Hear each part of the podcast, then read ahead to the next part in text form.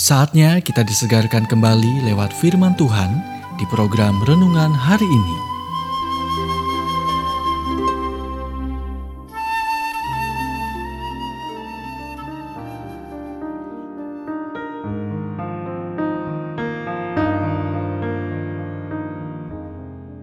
Renungan hari ini berjudul Menjawab Pertanyaan-Pertanyaan Besar bagian yang keempat.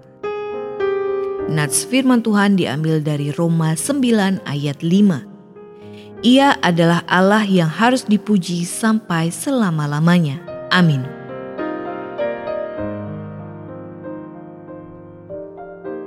Beberapa orang mengatakan bahwa Yesus Kristus tidak pernah ada.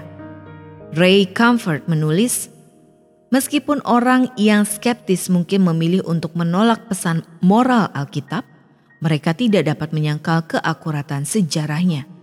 Lebih dari 25 ribu temuan arkeologis menunjukkan bahwa orang, tempat dan peristiwa yang disebutkan dalam Alkitab adalah nyata dan dijelaskan secara akurat.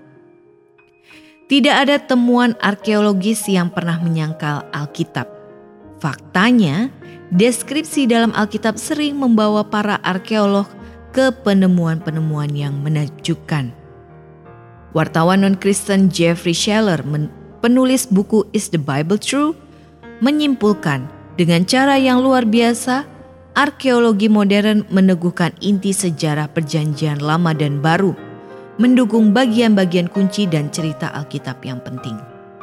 Kelahiran, pelayanan, kematian, dan kebangkitan Yesus adalah fakta sejarah yang tak terbantahkan.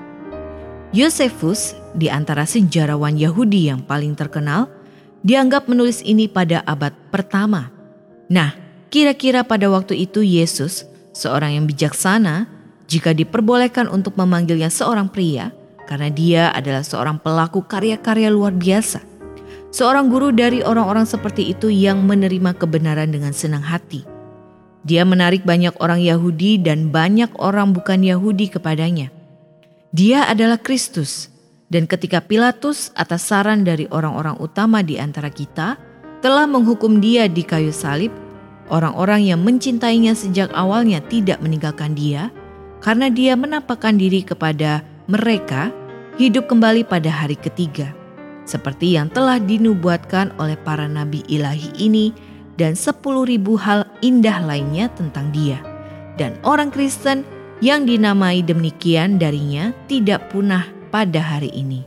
Yesus tidak hanya hidup, tetapi Dia mati agar Anda memiliki hidup yang kekal. Terimalah Dia hari ini sebagai Juru Selamat Anda. Anda baru saja mendengarkan renungan hari ini.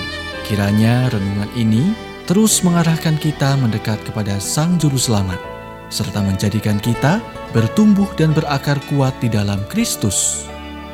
Bila Anda diberkati, berikan kesaksian Anda melalui WhatsApp di 0817 222 959. Atau jika Anda ingin memiliki buku renungan hari ini, Anda bisa dapatkan di Radio Suara Gerasi FM, Jalan Setiabudi 31 Cirebon. Dengar dan lakukan firman Tuhan, maka hidupmu akan selalu berkemenangan. Tuhan memberkati.